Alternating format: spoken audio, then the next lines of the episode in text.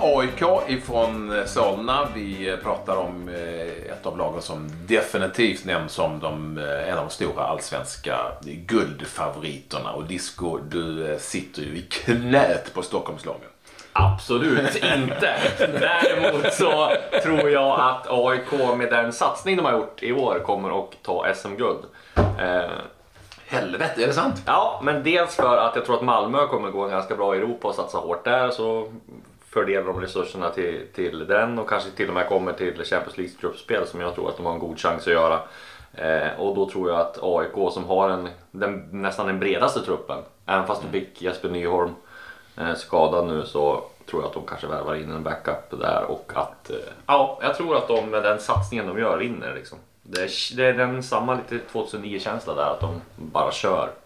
Vi kan väl någonstans kanske fräscha upp uh, lite hur det ser ut. De har ju tagit in eh, uh, Tarik Elionossi, Enok Adu, Joel Ekstrand, Robert Lundström, Bodomir Janosevic, Stefan Silva, Alexander Milosevic, Nabil Bowie och sen har ju också Yashin uh, kommit tillbaka. Jag ska säga att ut då Ishizaki, Nils-Ike Johansson, Johan Blomberg, Afane, Obasi och Simon Tern. Och sen då som du nämner här Disco, Stefan Ny, eller Jesper Nyholm borta hela säsongen på grund av det där benbrottet.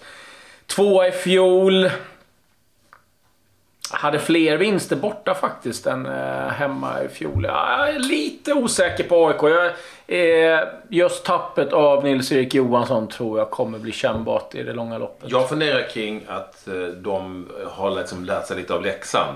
För att AIK har ju legat lågt lite på våren under eh, de senaste åren för att sen växla upp på hösten. Och väldigt mycket ett höstlag, det vill säga skaffat in folk och bra folk. Men har liksom redan där tappat för mycket. Och nu ska man på något vis ta igen det den här våren. Och det som, det som, jag förstår när du pratar om satsning. Det som möjligtvis skulle kunna oroa AIK-folk det är ju att eh, nu räknar folk med att de definitivt ska tillhöra toppen. Och du vet det trycket kan påverka dem tror jag. Jag tror dessutom, jag tror i och för sig, inte dessutom, jag tror i och för sig att eh, Tarik El kan definitivt bli en eh, väldigt tänkbar allsvensk skytteligavinnare. Han är en riktigt bra allsvensk spelare och kommer gå bra. Däremot är jag osäker på balansen i den satsningen de har gjort. Jag menar, det väger ganska framtungt. Off, det är framtungt åt det offensiva hållet.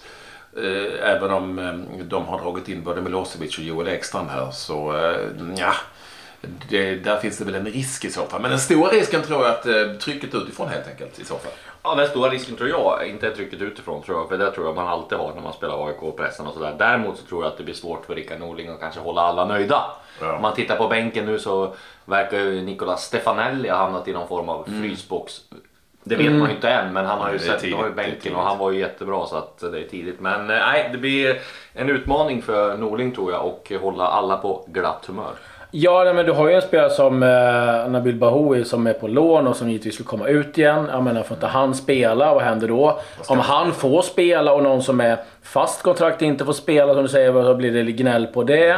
Eh, Norling, eh, ja nu finns det ju ingenting att skylla på. Nej. Det finns ju ingenting han kan säga att jag har inte fått det här, jag fick inte det här i tid. Nu är det liksom upp till bevis. Och lite som du är inne på Patrik, de är ju rätt framtunga. Förra året var det det laget som släppte in minst mål i Allsvenskan. Framförallt hade man ju en vår där man liksom eh, var extremt täta. Sen började man väl skifta lite grann. Det är också det jag känner då med liksom att när man tappar Nils-Erik Johansson. Milosevic är en jättebra värvning. Ekstrand när han är, när han är frisk. Men mm. när är han frisk? Mm. Det är inte så att han har spelat mängder av fotboll de senaste åren. Sen, en liten detalj som jag tycker man ska plocka fram här. Det är inledningen av eh, Allsvenskan. Börjar mot Dalkurd. Alltid lurigt mot en eh, nykomling oh, hemma. Alltid lurigt mot en nykomling. Ja, men det är det. Sen har man Malmö FF borta. Djurgården hemma. Örebro borta. Göteborg hemma. Du vet, börjar resultaten inte hovas in här. Då, som vi var inne på. Kan det blåsa snålt. Då kan det blåsa rätt snålt ja.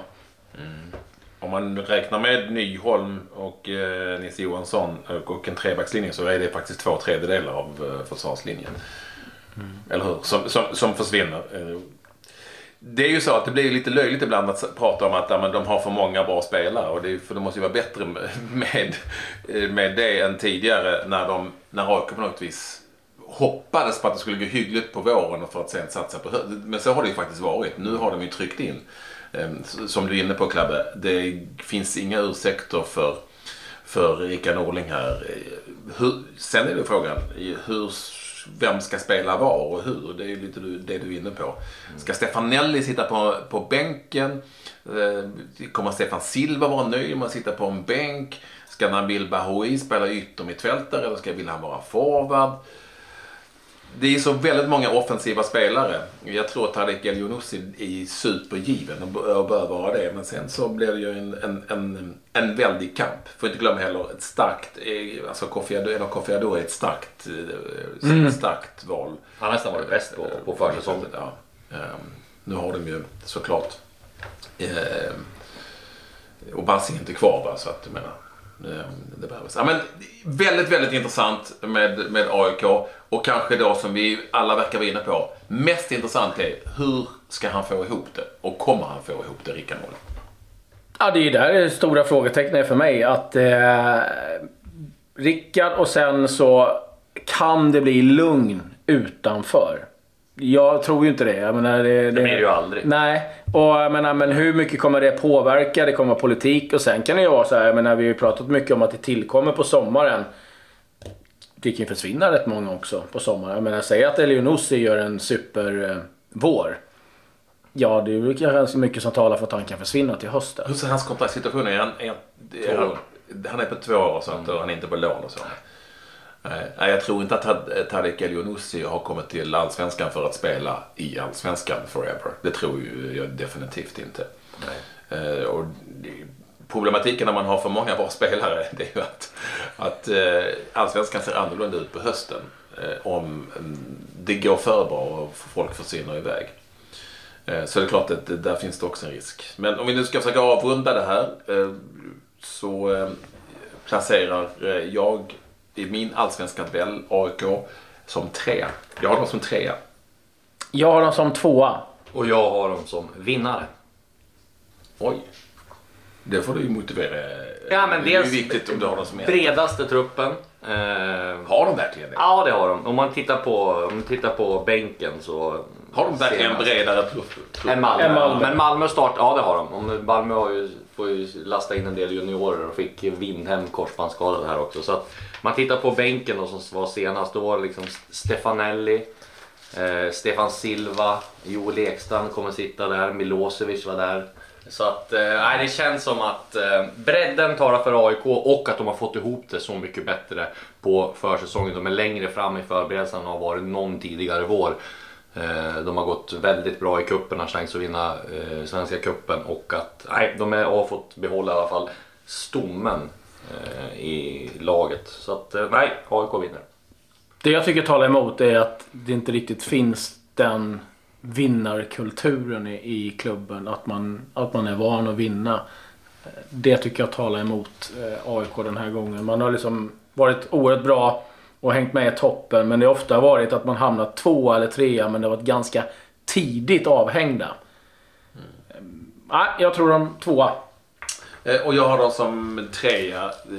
Nu är det så att eh, tips är ju tips. Det är ju, för att köra ett kryss 2 det är väldigt, det är väldigt svårt att veta. Jag, jag tror att de blir eh, extremt beroende av en bra start. Eh, de kan inte komma efter som senast. Och jag är då lite orolig över hur, eh, hur den här lagsammansättningen kommer att vara när det börjar brinna. Om det börjar brinna. När folk, spelare blir eh, inte får spela tillräckligt mycket och så vidare. Så att, eh, det finns, det, där, där finns ett litet, en liten varningstriangel. Jag har dem som trea. Men tre, det är ju topp. Det är en topplacering. Ja, Ja, de, är, de är säkert jättenöjda med tredje plats. Nej, det tror jag inte att de är. De kan också hamna, du, vi nämnde till de kan också hamna i Europa. Eh, I mm. Europa League. Absolut. Så att, det, det, finns ju den, nu var de ju det senast också. Eh, så är det. Vi lämnar AIK där och vi har dem alltså i placering 1, 2, 3.